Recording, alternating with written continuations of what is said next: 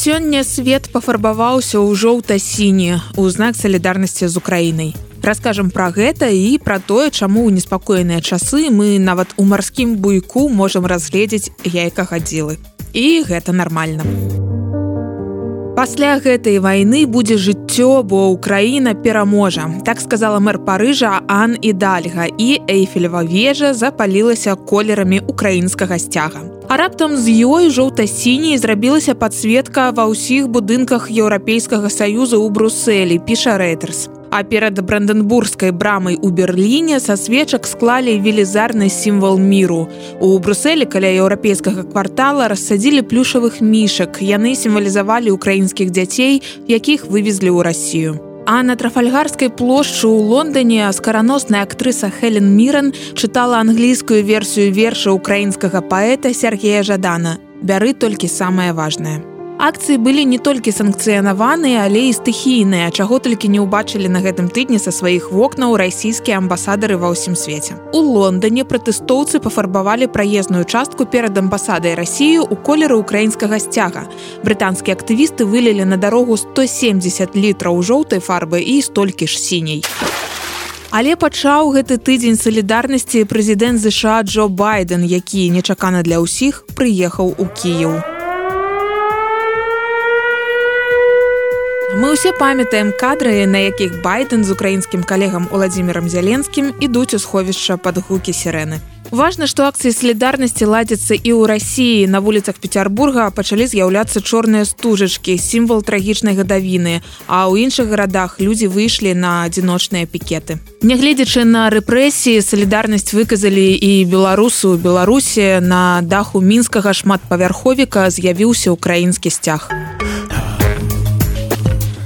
Урад Перу выплаціць сем'ям, якія на пратэстах страцілі сваіх блізкіх фінансавую дапамогу прыкладна 13 тысяч долараў, цытуе CNN мясцовае выданне Эль Перуана а пацярпелым на пратэстах выплацяць палову гэтай сумы. З аднаго боку беларусы нават уявіць не могуць, каб Александр Лукашенко пайшоў хоць бы на штосьці падобнае.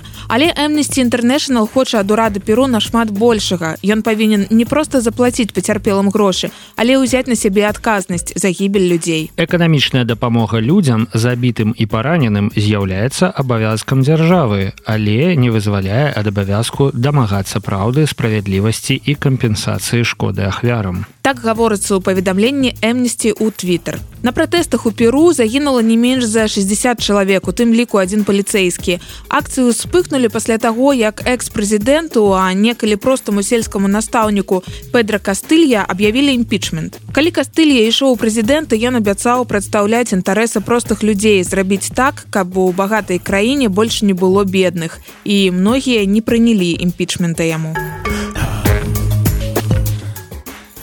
Засуха у венецыі складана поверыць правда горад дзе асноўнай праблемай заўсёды былі паводкі сапраўды сутыкнуўся з засухай. Эколагі кажуць што ў альпах сёлета выпала менш за палову звычайнай колькасці снегу. І праз гэтую зімовую засуху ў гарах венецыя сутыкнулася з незвычайна нізкімі прылівамі піша рэйтерс У выніку па некаторых венецыянскіх каналах не могуць плаваць гандальеры, але гэта не самая вялікая праблема, бо па каналах у Венецыі плаваюць не толькі турысты, але і кареты хуткай дапамогі і водныя таксі. Іншага транспарту ў горадзе папросту няма. Сіноптыкі зрэшце запэўніваюць, што найбліжэйшы час усё будзе добра і такія неабходныя ападкі ўсё ж выпадуць. А пакуль можете глянуць у твиттары, як выглядаюць знакамітыя венецыянскія каналы без вады.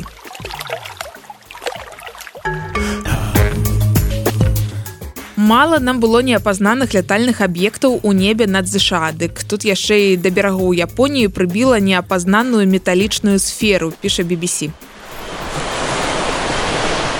японскія афіцыйныя асобы так і не змаглі выразна растлумачыць што гэта таму людзі не дачакаўшыся афіцыйных тлумачэнняў называлі аб'ект яйкам гадзілы. Правяраць яйка выехалі паліцыя і нават сапёры яйку зрабілі рэнген і нават пасля гэтага не змаглі сказаць нічога акрамя таго што аб'ект небяспечны. Карыстальнікі соцсетак узяліся за ўласнае расследаванне ў аб'екце. Многія з іх пазналі звычайны прычальны буёк. Не магу поверыць што чыноўнікі з краіны акружанай акіянам не пазнаюць гэты мячык. Так напісаў адзін карыстальнік twitter чыноўнікі ўласна і не спрачаюцца з тым што гэта буй але не японскі а замежны такія аб'екты могуць плаваць у акіяне десятгоддзямі і ржавець губляць маркіроўку а потым калі іх выкідае на бераг людзі пачынаюць падазраваць ва ўсім гадзілу.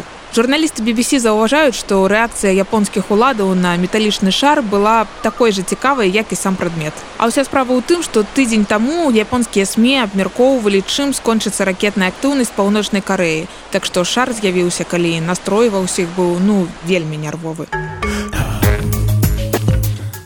Усе мы пісалі бабулям лісты і брытанскі кароль Карл таксама. Гэта не дзіўна, дзіўна тое, што адзін з такіх лістоў выпадкова знайшлі на гарышчы звычайнага дома, калі гаспадары наводзілі там парадак падчас калядных вакацый.